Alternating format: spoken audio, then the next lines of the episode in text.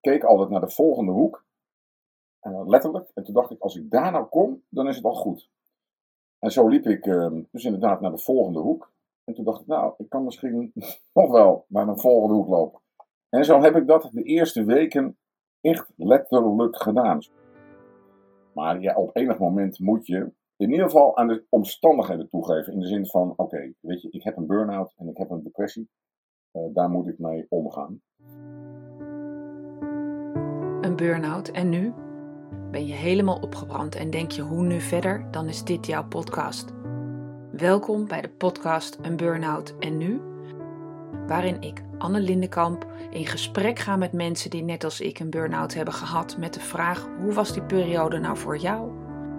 En ik deel mijn zoektocht naar verschillende coaches en therapeuten die jou kunnen helpen om weer uit je burn-out te komen.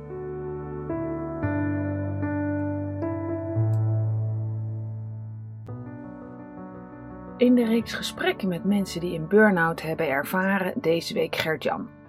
Gert-Jan werkt in loondienst en als zelfstandig ondernemer tot in april 2011 zijn vriendin hem naar de huisarts stuurde. Het ging niet goed met hem. Verdomme om hulp te vragen, het allemaal alleen kunnen of denken dat je het allemaal alleen kan. Een burn-out, gecombineerd met een depressie, zorgde ervoor dat hij moest stoppen met alles waar hij op dat moment mee bezig was. Iets wat niemand wil, maar als zelfstandige wil je dat al helemaal niet. Er zat geen enkele energie meer in. Dus alles, alles was te veel. En, en jouw vraag was, ja, kun je daar een overgeven? Ik had geen keus. Ik heb daar gewoon maar gewoon gelegen. De eerste dagen kon hij alleen maar in bed liggen en slapen. Maar toen hij iets was opgeknapt, ging hij naar buiten om te wandelen, bewegen. De eerste dagen vooral in het park gaan zitten. Ehm, op een bankje. En ik heb daar gewoon gezeten. De hele dag. Want ik wist wel dat ik een van de dingen belangrijk was dat ik gewoon frisse lucht kreeg. Ehm, eh, dus ook naar buiten moest. Ik keek altijd naar de volgende hoek. Uh, letterlijk. En toen dacht ik, als ik daar nou kom, dan is het al goed. En zo liep ik ehm, dus inderdaad naar de volgende hoek. Beweging bracht afleiding van alle gedachten die er maar door zijn hoofd bleven rondmalen. En in mezelf steeds maar zei: het zijn maar gedachten, het zijn maar gedachten, het zijn maar gedachten als een soort mantra om mezelf te beschermen tegen de ongelofelijke duisternis waarvan ik wist dat ze, waarin ik terecht zou komen als ik me eraan toe zou geven. Luister naar mijn gesprek met Gert-Jan over angst voor geldzorgen, schroom om om hulp te vragen en de hulp die uiteindelijk kwam in de vorm van een burn-out. Over hoe fijn het is om soms weer even jezelf te zijn en over wasknijpers.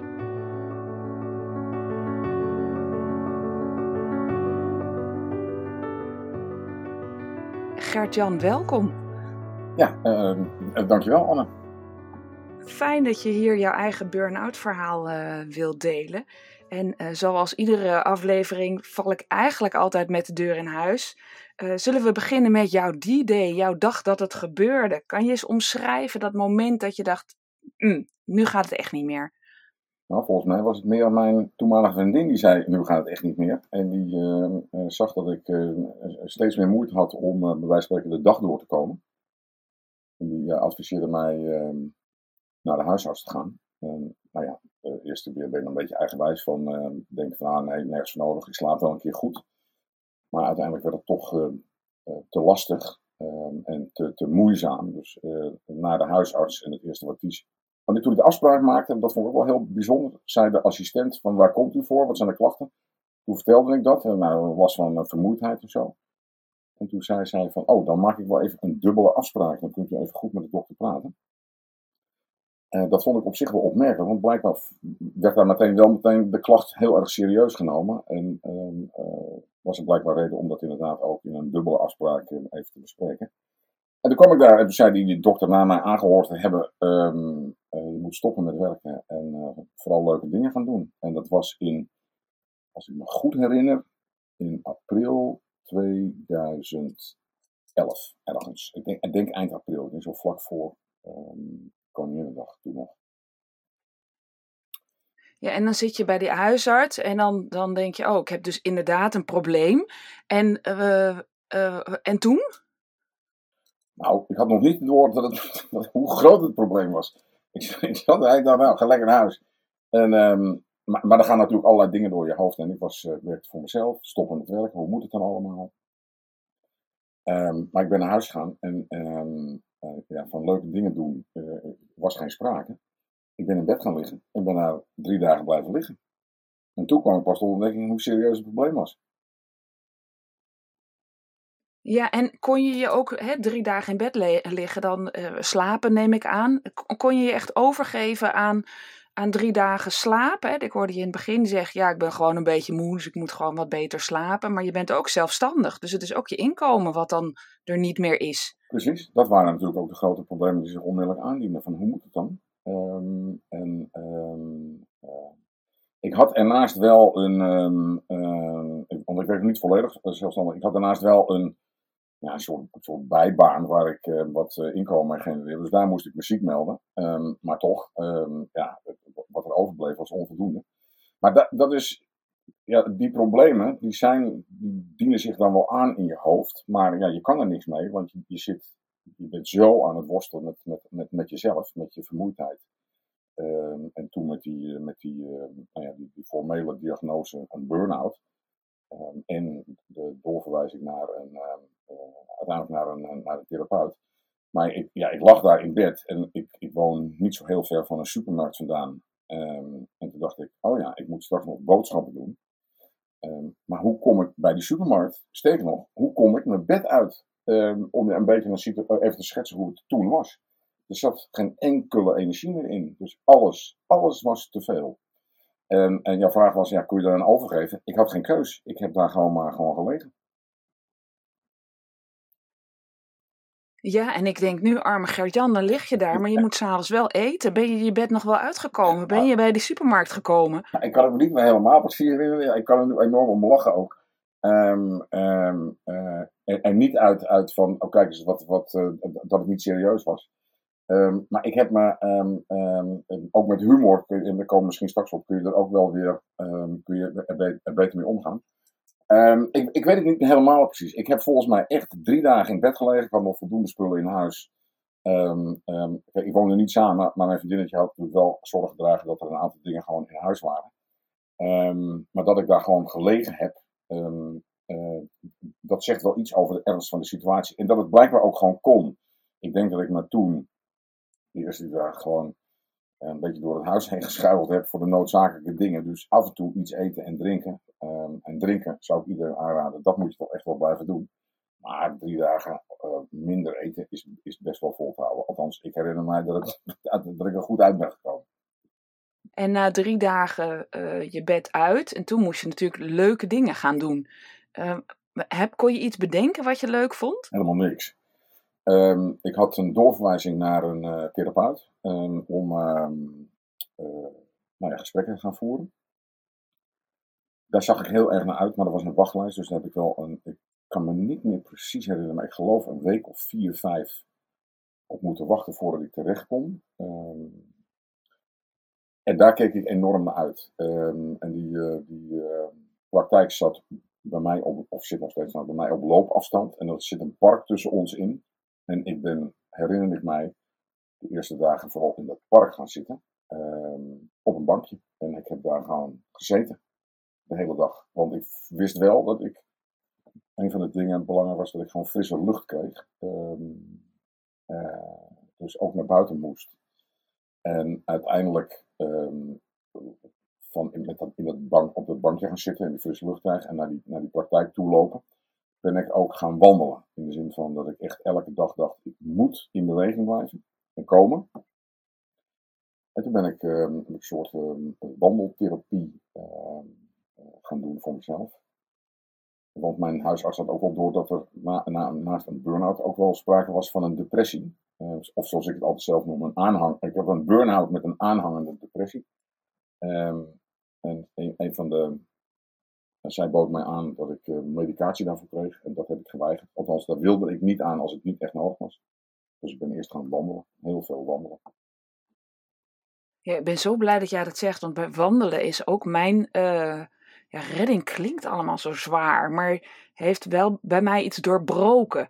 Uh, want wandelen, ik heb me laten uitleggen door iemand die zei, ja, dan krijg je gewoon uh, beweging en dan krijg je andere, een andere hormoonhuishouding, waardoor dat, hè, dat cortisolniveau, dat stresshormoon, dat dat uh, afneemt. Ja, um, ja, wat er nou precies gebeurt in je lijf, dat weet ik niet. Um, maar ik weet wel dat het, ik heb altijd gedacht um, dat frisse lucht gewoon zuurstof naar binnen en zuurstof, en, en, en dus ook gewoon weer uitademen in ieder geval goed is voor je hele lijf, dus ook voor je hoofd. Want daar, daar spelen zich, in ieder geval wat mij betreft, het vooral allemaal af. En verschrikkelijke, nare gedachten, uh, enorme vermoeidheid. Um, en uh, toen dacht ik, ja, als ik nou maar ga wandelen, dan krijg ik in ieder geval, dan, dan is het net alsof je de ramen openzet tegen elkaar. Dan komt er in ieder geval uh, frisse lucht naar binnen en, en, en, en dan spoelt het gewoon lekker door. En dat heeft mij inderdaad enorm geholpen. Um, waarbij ik moet, wel moet aantekenen dat wandelen in eerste instantie um, een enorme opgave levert. Ik zei net van ik lag uh, drie dagen in bed, maar het was na de derde dag natuurlijk niet over. Dat heeft echt nog wel een enorme tijd geduurd voordat ik mezelf ertoe kon zetten om op te staan, dingen te gaan doen en inderdaad schoenen aan te trekken en jezelf te dwingen om naar buiten te gaan. En als... ja, ik, moet, ik, moet, heel eerlijk zeggen dat, sorry dat ik je in de reden val, maar ik moet heel eerlijk zeggen dat mijn wandelen, hè, uh, dat gaan wandelen, uh, nou niet weken, maar echt wel maanden geduurd heeft voordat een wandeling werd. Dat werd eerst letterlijk, precies wat jij zegt, schoenen aan en, en na vijf minuten dacht ik, wat doe ik hier? En dan weer snel naar huis. Ja, ja nou, ik, ging, ik ging naar buiten toe en ik had, um, um, ik keek altijd naar de volgende hoek. Uh, letterlijk. En toen dacht ik, als ik daar nou kom, dan is het al goed. En zo liep ik uh, dus inderdaad naar de volgende hoek. En toen dacht ik, nou, ik kan misschien nog wel naar een volgende hoek lopen. En zo heb ik dat de eerste weken echt letterlijk gedaan. Zo liep ik dus een blok, een blokje om mijn huis. Ik woon in, een, in het centrum van een mooie oude stad. En dan liep ik gewoon om het blok heen. En dat was dan pak een beetje 400 meter. Um, en zo liep ik elke keer een stukje meer. En uiteindelijk ben ik dat steeds gaan uitbreiden. Maar, um, en ik weet niet meer over welke periode hoor. Um, ik dat nou, wanneer dat nou kon toenemen. Maar ik, ik, ik, merkte dat het wandelen mij in ieder geval goed beviel. Het enige waar ik enorm rekening mee hield, is dat ik wandelde langs routes waar bussen reden. Zodat ik, als ik het echt niet meer zag zitten, altijd nog met het openbaar vervoer terug naar huis kon. Oh, geweldig. Dat zou ik ook gedaan hebben. Daarom liep ik uh, heel dichtbij in de buurt. Dat als ik altijd, dat ik dacht, oh, maar nu is het nog maar één minuut naar huis. Dat kon dan. Ja, want het kon me, het kon me zomaar overvallen um, dat, ik, uh, dat het te veel was. Um, en dat ik dan dacht, ja, ik, dit red ik niet meer. Um, en dan heb je nog wel een overlevingsmodus dat je, dat je een aantal gewoon handelingen kunt doen die goed zijn voor jezelf.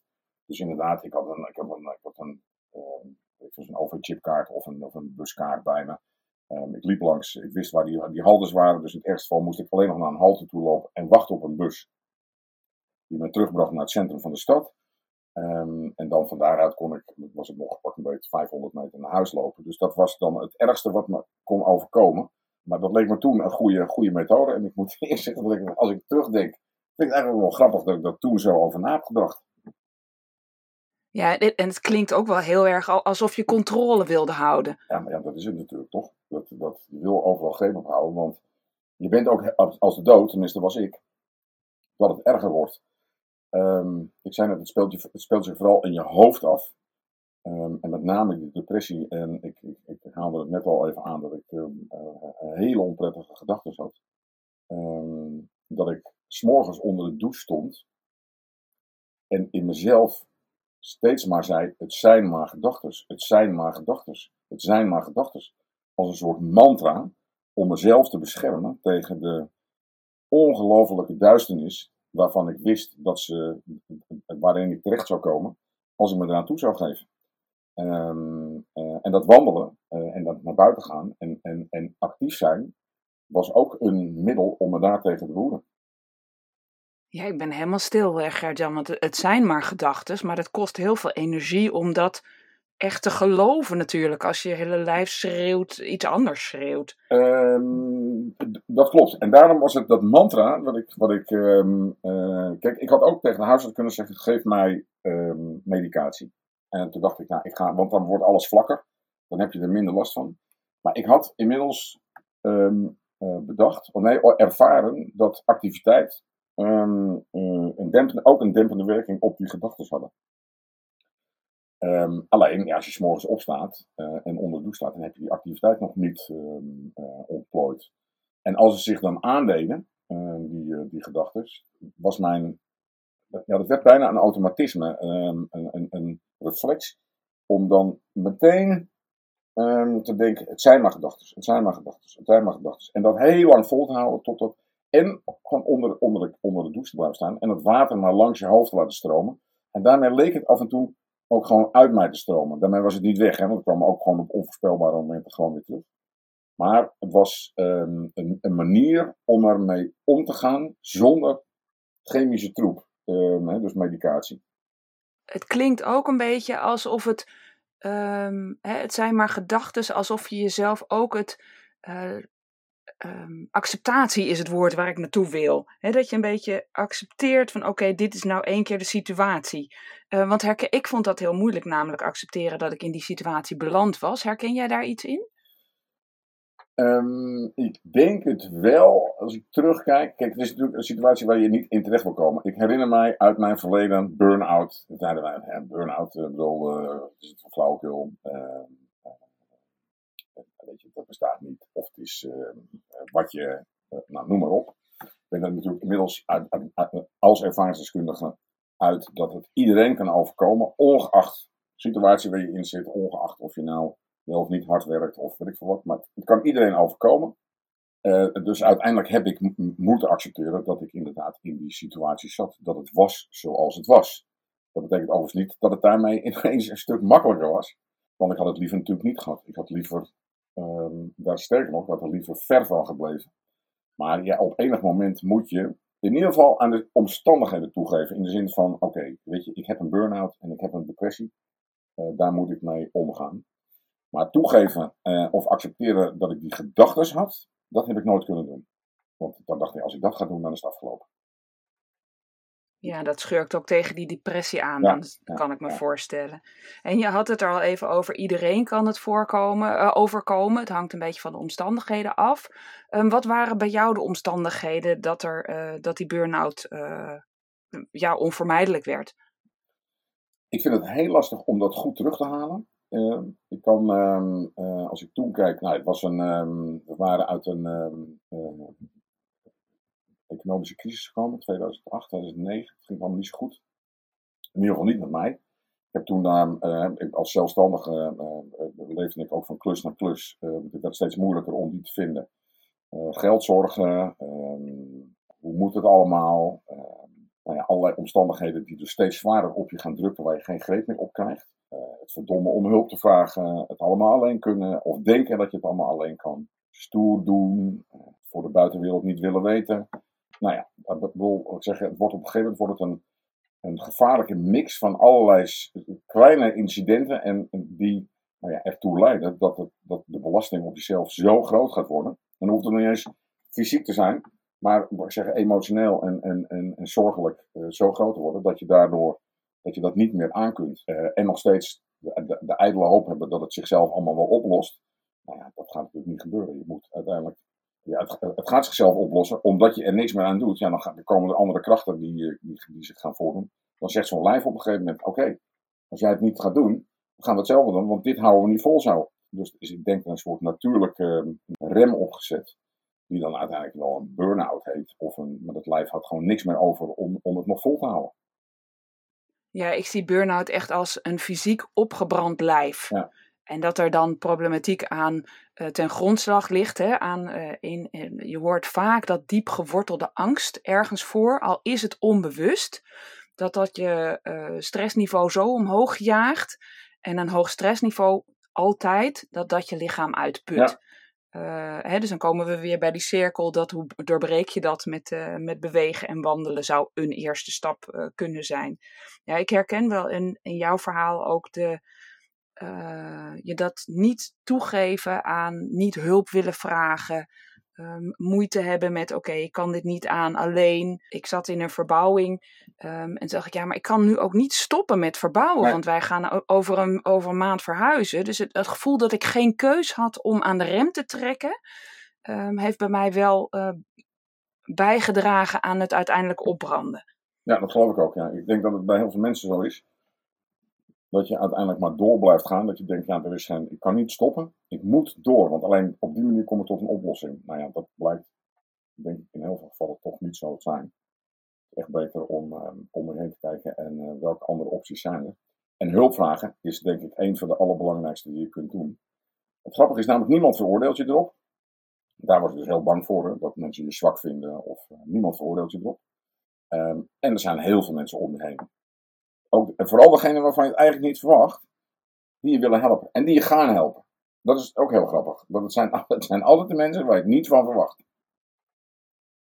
Ja, je moet wel over die enorme drempel van hulpvragen Ja, heen. En ja. ik moet je eerlijk zeggen, ik had ook wel van, "Oh, dit kan ik niet alleen. Ik heb echt geen idee hoe dat moest, maar ik had geen hulpvraag. Dus ik wist ook niet aan wie ik wat moest vragen. Ik was alleen maar compleet eh, overdonderd, overwhelmed met, met, ik kan het niet meer.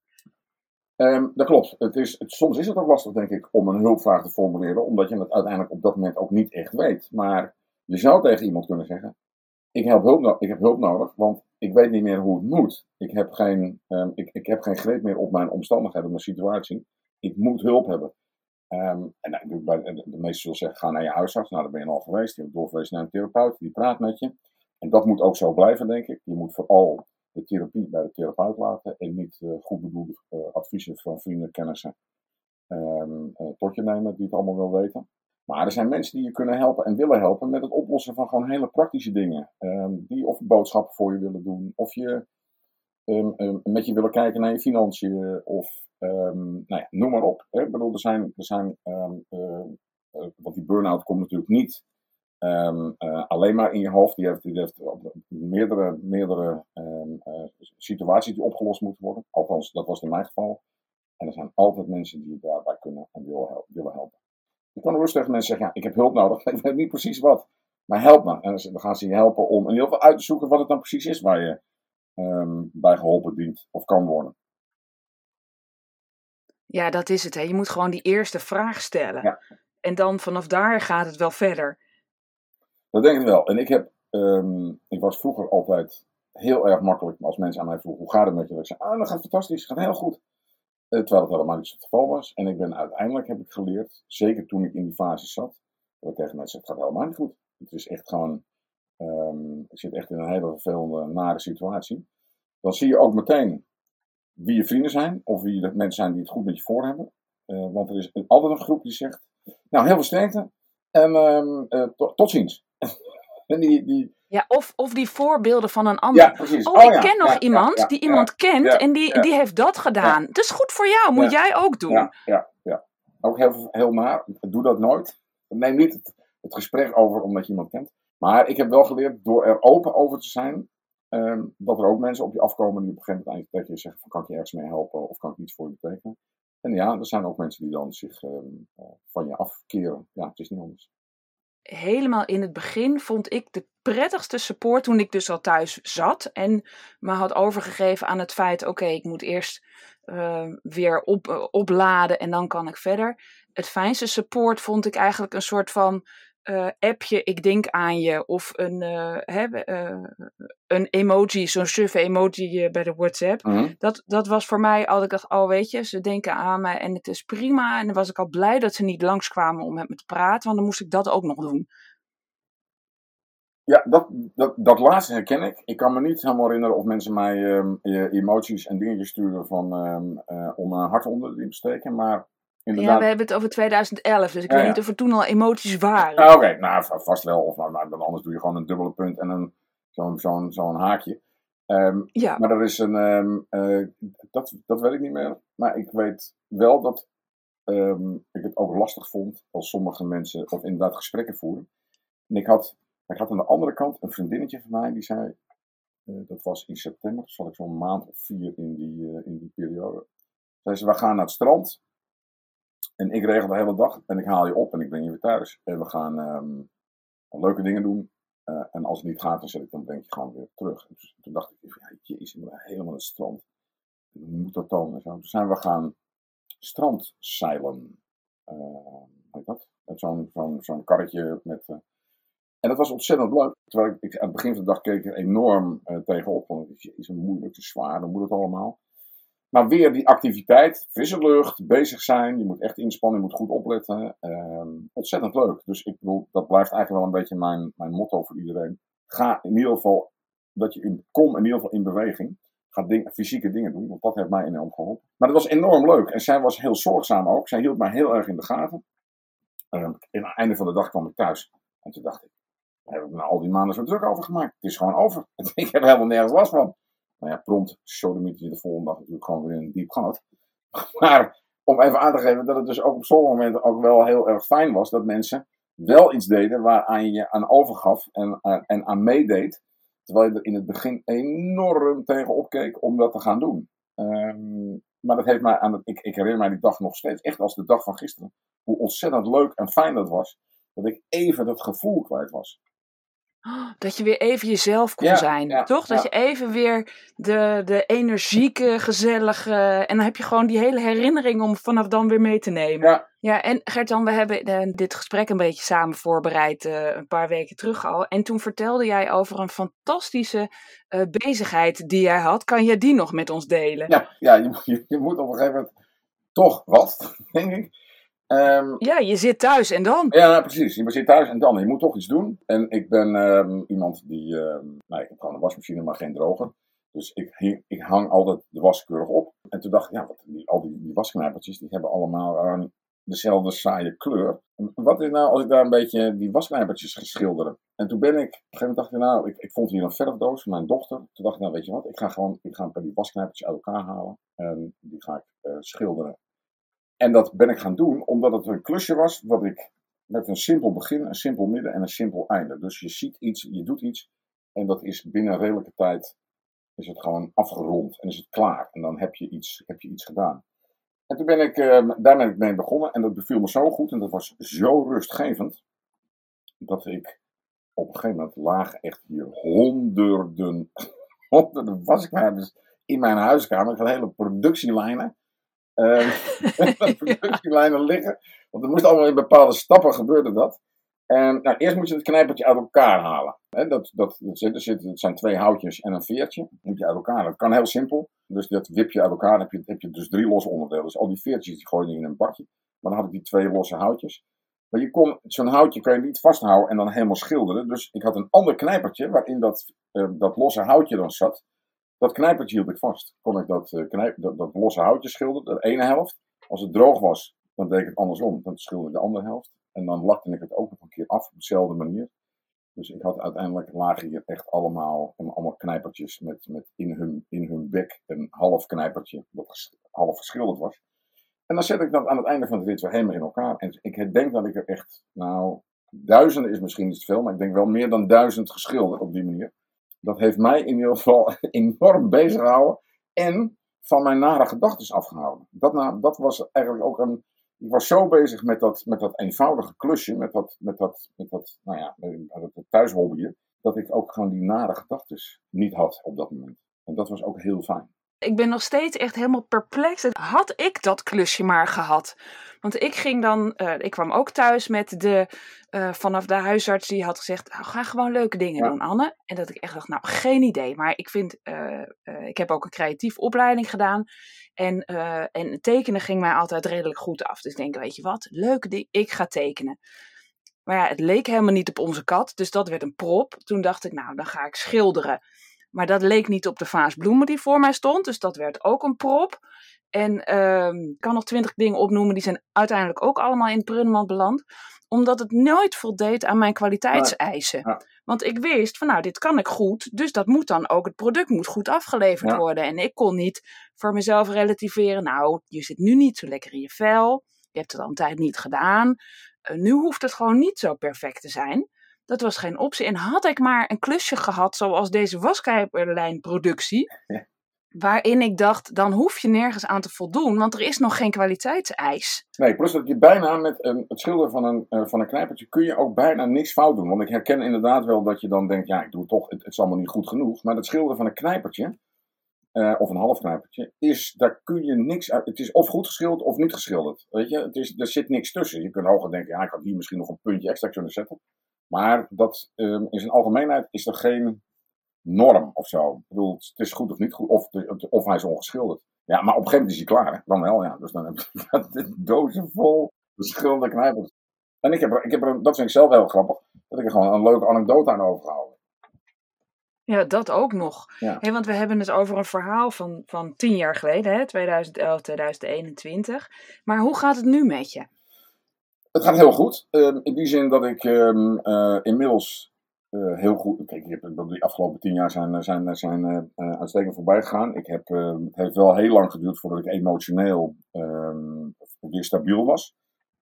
Ik kon slecht tegen verdrietige verhalen. Ik kon makkelijk volschieten in omstandigheden. dus, en dat heeft wel een tijd geduurd voordat dat weer zeg, op een niveau was dat ik denk: oh ja, dit, is, dit, is, dit is goed zo. Ehm, zodat je niet elke keer uh, met, uh, met tranen in je ogen staat als iemand een zielig verhaal vertelt. Um, het gaat in, het gaat, in het algemeen het gaat het heel goed. Ik kan heel goed nu aanvoelen wanneer ik moet gaan oppassen. Dat is winst. Dat ik denk, oh ja, ik moet nu echt wel uitkijken. Want als ik nu doorga, dan zou het nog wel eens terug kunnen komen. Dat, dat is de grootste angst, denk ik, die ik in ieder geval heb. Maar ik hoor ook wel van meer mensen om mij. Als je een depressie hebt gehad, is de grootste angst dat de depressie terugkomt. Ja, dat is, dat is daar zo kil, koud en duister. Daar wil je echt niet meer in, uh, in uh, terechtkomen. Maar het gaat op zich uh, gaat het, gaat het heel goed. Ik kan er makkelijk over praten. Ik praat er ook graag over, omdat ik hoop dat ik daarmee mensen kan helpen. In de zin van dat ze. Nou ja, als er, als er maar iemand is die denkt: oh ja, hij zegt bewegen, weet je, ik ga het ook eens proberen. En dat, die, dat, dat, dat, dat helpt, zou ik dat al heel erg waardevol vinden. Dus daar praat ik graag over.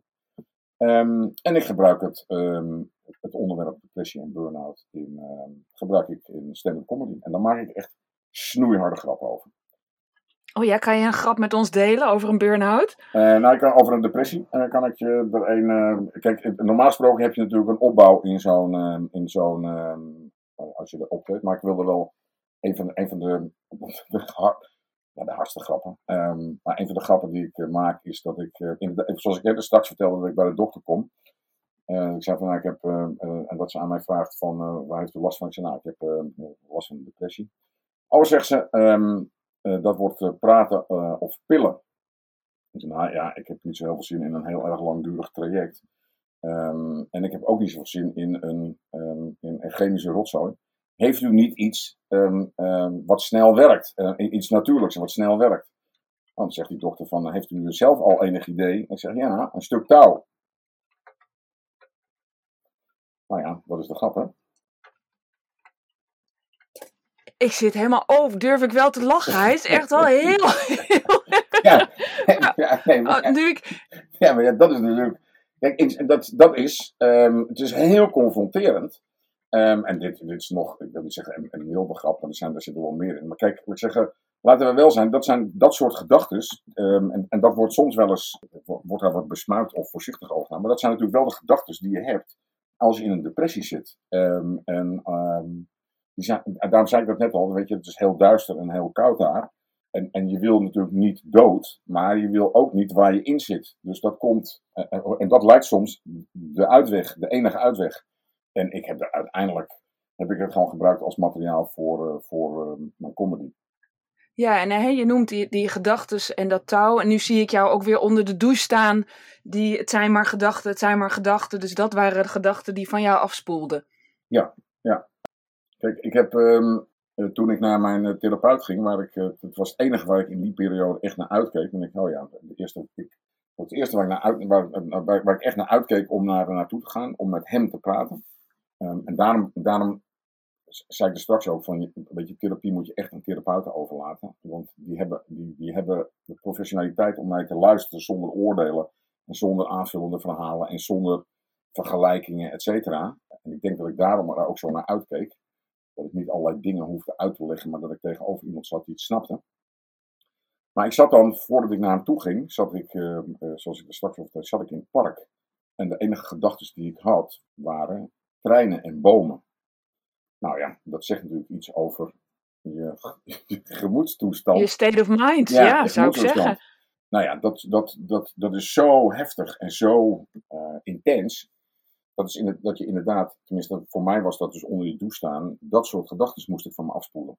En wat fijn dat je dan ook dat gevonden hebt. Hè? Dat die douche gewoon helpt door die gedachten van je af te laten spoelen. En heb ik nog een, een gewetensvraag. Nou, gewetensvraag, nog een andere vraag uh, voor je. Um, zou er iets kunnen zijn geweest in de aanloop naar, deze, naar jouw burn-out slash depressie? Niet misschien de week daarvoor, maar maanden daarvoor. Um, zou jij de Gerjan van nu, zou die iets uh, kunnen zeggen tegen die Gerjan van toen in aanloop daarheen om het te voorkomen? Nou ja, kijk, dat is eigenlijk wat ik nu al de hele tijd doe. Hè. Ik bedoel, wees meer alert op uh, de situatie waar je in zit en de gevoelens die je hebt. Um, uh, wees bereid om dat ook onmiddellijk te erkennen dat het zo is. Ik zal, ik zal nu veel makkelijker tegen iemand zeggen: Ja, ik heb last van somberheid. Ik heb, want dat heb ik nog steeds. Um, en dat spreek ik ook nu tegen, mijn, tegen iedereen om mij heen uit. Als, als, als, dat, zeg, als dat noodzakelijk is. Zeg ja, ik heb vandaag gewoon een mindere dag. Um, ik heb uh, last van somberheid, terwijl ik daar pak een beetje tien jaar geleden, of twaalf jaar geleden, um, want het is natuurlijk veel eerder begonnen dan precies op die, die april in, uh, in 2011, dat helemaal niet kon doen. Ik, ik, ik, realiseer me nu heel goed mijn eigen gevoelens. Als ik nu denk, um, oh, ik, ik, krijg dit soort gevoelens weer. nou, ga lekker wandelen, ga naar buiten toe. ik probeer inderdaad iets leuks te doen. Maak het Weet je, ga er niet een druk op leggen dat je iets af moet krijgen vandaag. Um, erken het gewoon. En het grappige is, door het erkennen, door, het, door eraan toe te geven, is eigenlijk al een heel groot deel van de, van de last weg. daarmee ga je niet ineens, word je niet ineens een clown of een hele vrolijke, vrolijke Gert-Jan. Maar op dat moment is al, je, je voelt niet meer het een gevecht met je gevoelens. Je erkent ze. En daardoor is het, nou ja, oké, prima. Het is vandaag zo je, moet een aantal dingen misschien niet gaan doen. Maar weet je, morgen is het waarschijnlijk weer anders. En dat helpt enorm. En dat heb ik toen helemaal niet gedaan. Toen was het gewoon van, het mag niet zo zijn. Je moet je er echt flink tegen verzetten. Uh, en nu is het, als ik, ja, als ik een dag zonder gedachten heb en gevoelens heb, jammer dan. Uh, ik zeg het gewoon tegen mensen, die snappen het dan ook. Nou, dan blijf ik een dagje op mezelf. Uh, dan, heb ik, ehm, eh, dan doe ik de dingen die ik doe. Ik, weet, ik zal niet de kist met knijpertjes pakken en eens gaan zitten schilderen. Maar het, is wel, het is wel zo dat ik, dat ik uh, erken dat het zo is. Nou ja, prima. Niks aan te doen. En kan je nu makkelijker keuzes maken voor jezelf, voor je, voor je eigen tijd, voor je, uh, wat goed voor jou is? Ik hoop het wel. Um, het is misschien nog niet ideaal, maar um, het, kunnen toegeven aan het feit dat die gevoelens er zijn, vind ik al ik zeg, een enorme winst. Maar ik maak wel al veel makkelijker, denk oh ja, dit gaat me gewoon niet lukken. Of misschien moet ik dit nu nog helemaal niet doen. En laat ik met iemand deze afspraken niet maken en zeggen, laten we het over een tijdje eh, gaan proberen. Maar weet je, je, bent, je, gaat niet in één keer volledig veranderen. Ik, ik ben me alleen meer bewust dan ik dat tien of elf jaar geleden was. En dat vind ik al winst. Ja, dat is zeker winst. Als ik naar mijn eigen burn-out kijk, denk ik, als ik het gevoel nu bij me hou dat ik altijd een keus heb om een afspraak te verplaatsen, hè? precies wat jij zegt, of een keer nee te zeggen, of ergens volmondig ja voor. Hè? Soms twijfelde ik dan ook, oh, ik vind het wel echt heel erg leuk, maar ik weet niet hoe dat moet en hè, al die zorgen eromheen. Het is ook goed om ergens volledig voor te gaan, dan moet je andere dingen dus afzeggen. Ja. Ja. Dat, zou, dat is wel bij mij de, de, de winst. Maar ik, jij zei aan het begin van het gesprek ook al: ik had de burn-out liever niet gehad. Uh, nee, het is geen fijne periode. Kijk, je kunt zeggen, nou, ik heb er heel van geleerd. Dat is zo. Maar ik, ik had het ook wel op een, liever dan op een andere manier willen leren. Maar goed, ja, ik kan er geen afscheid van nemen. Het, is nu een, een, deel van mijn leven. Dan kun je alleen maar denken, oké, wat zijn de lessen die ik eruit heb kunnen meenemen? Daar heb ik dan nog wel steeds profijt van. Want ik denk dat als het toen niet was gebeurd, dan had het misschien wel vijf jaar later gebeurd. En dan had het, um, had het me toch overkomen, omdat je blijkbaar in je karakter zit. Of dat het je althans toen in mijn karakter zat, uh, om er hard op weg naartoe te gaan. Maar het is, het is geen feest. Nee, het is geen uh, dat je zegt, jongens, jongens, ik ben blij dat ik gehad heb. Het is geen feest, maar ik ben wel blij dat jij ook zegt, als het toen niet was gebeurd, was het later gebeurd. Want wat ik veel mensen ook wil meegeven is, voel je niet schuldig dat je een burn-out hebt gekregen. Want je, je bent er met open ogen ingerend en in mijn geval, alles wat ik heb gedaan om het te voorkomen wat anderen hebben gedaan. Ik, ik had zoiets, ja, maar die loser ben ik niet. Ik ben sterk, Ja. dus ik ga dit doen. Dus het had niet geholpen. Dus het is hoe krachtiger je bent, hoe harder je met open ogen die burn-out inrent. En dat is oké. Het hoort er gewoon bij. En je had niets kunnen doen om het te voorkomen, denk ik. Ja, eh, eh, dat vind ik op zich lastig om te, om te zeggen. Want als, als iemand mij anderhalf jaar daarvoor eh, had gezegd: let op, je bent eh, eh, in de, de omstandigheden eh, in je leven wat je nu aan het leiden bent, dat gaat leiden tot een burn-out. En ik zou ernaar geluisterd hebben. Hè, in de zin van, ehm, eh, en niet denken, ja, dit, dit overkomt mij toch niet. Dan zou het misschien ook niet gebeurd zijn. Ja, ik denk dat op, op een bepaald moment de omstandigheden allemaal zo samenvallen.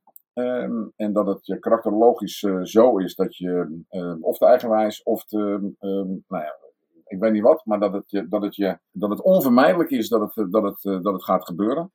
Maar als iemand je had verteld, oké, als je het nu doorgaat, dan gaat dit over een jaar gebeuren. En laten we zeggen, als iemand maar door blijft eten, dan wordt hij op een gegeven moment echt te dik en ontploft hij. Als je niet naar luistert, ja, dan, dan gaat het gebeuren. Maar als iemand had gezegd, dit zijn het eerste vooruitzicht, en zo erg wordt het. En als hij dan had kunnen vertellen hoe erg het wordt, ja, dan had ik het misschien niet gedaan. Weet je wel? Dan had ik misschien toen had ik me wel eerder ingegrepen. En er zijn mensen die, die, die een ongelooflijk zwaar en wild leven leiden en het nooit krijgen. En misschien moet je er ook wel eh, karakterologisch op een bepaalde manier voor in elkaar zitten om het te krijgen. Ik, ik weet het niet. Het is alleen, als je de signalen krijgt, vraag hulp. Doe dat. Dat is het, hè? Vraag hulp. Echt, maar doe jezelf. Dat is ongeveer het grootste plezier wat je zelf wil doen. Vraag hulp. Ga niet zelf lopen aanmodderen. Ga niet lopen denken, nou, ik heb, mij zal het niet overkomen. Ik, ehm, eh, ik slaap wel een paar weekenden goed of ik neem een weekje vakantie. Vraag gewoon pro- professionele hulp. Hè? Echt mensen die er wat, die wat kunnen doen. Je huisarts die, die dit hoort. Er zijn zoveel mensen in Nederland die er nu last van hebben. Die nemen, ze nemen het heel serieus. En voordat je aan de beurt bent bij, bij, bij een therapeut duurt het ook even. Dus hoe sneller, hoe beter, denk ik. Ja, zeker. Ben ik helemaal met je eens. En de huisarts is echt de allereerste stap. Ja. Ehm, want dan eh, met een diagnose kan je het ook makkelijker accepteren. Ja, ja het, is, het helpt als iemand het zegt tegen je.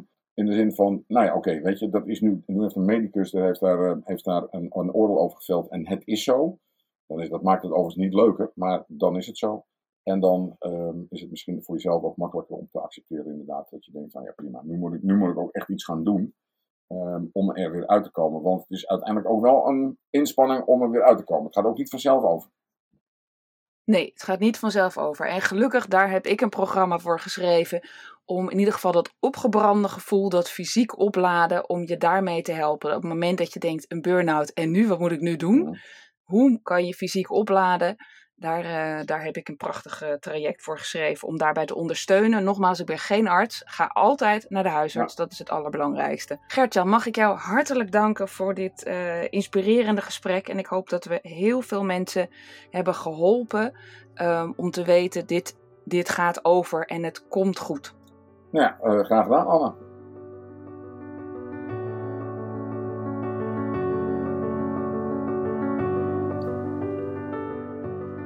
In het gesprek met Gert-Jan deelt hij een van zijn grappen uit zijn repertoire dat hij heeft als stand-up comedian. Deze grap gaat over de depressieve gedachten die hij had in de eerste periode van zijn burn-out.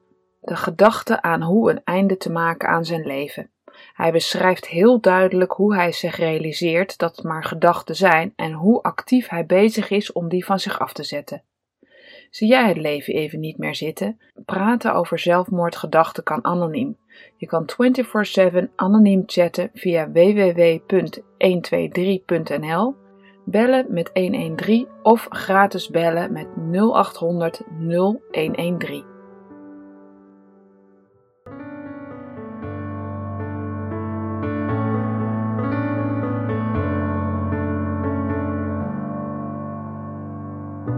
Dit is alweer het einde van de podcast Een Burnout en Nu. Fijn dat je luisterde. Deze podcast is onderdeel van mijn missie. Ik help graag zoveel mogelijk mensen bij het zetten van die eerste stap van herstel als je helemaal bent opgebrand. Wil jij ervaren hoe ik jou kan helpen? Maak dan een afspraak op de website eenburnoutennu.nl. Daar kan je ook mijn gratis e-book downloaden met 11 tips voor meer energie. Weet jij een bijzonder persoon of een bijzondere therapie die anderen zou kunnen helpen bij hun herstel? Laat het me weten. Je kan me vinden op Facebook of Insta onder Anne Lindenkamp en stuur me dan direct een DM of ga even naar de website eenburnoutennu.nl slash contact. Hoor je nou graag meer van deze inspirerende gesprekken? Abonneer je dan even, dan hoef je niets te missen. Tot de volgende aflevering.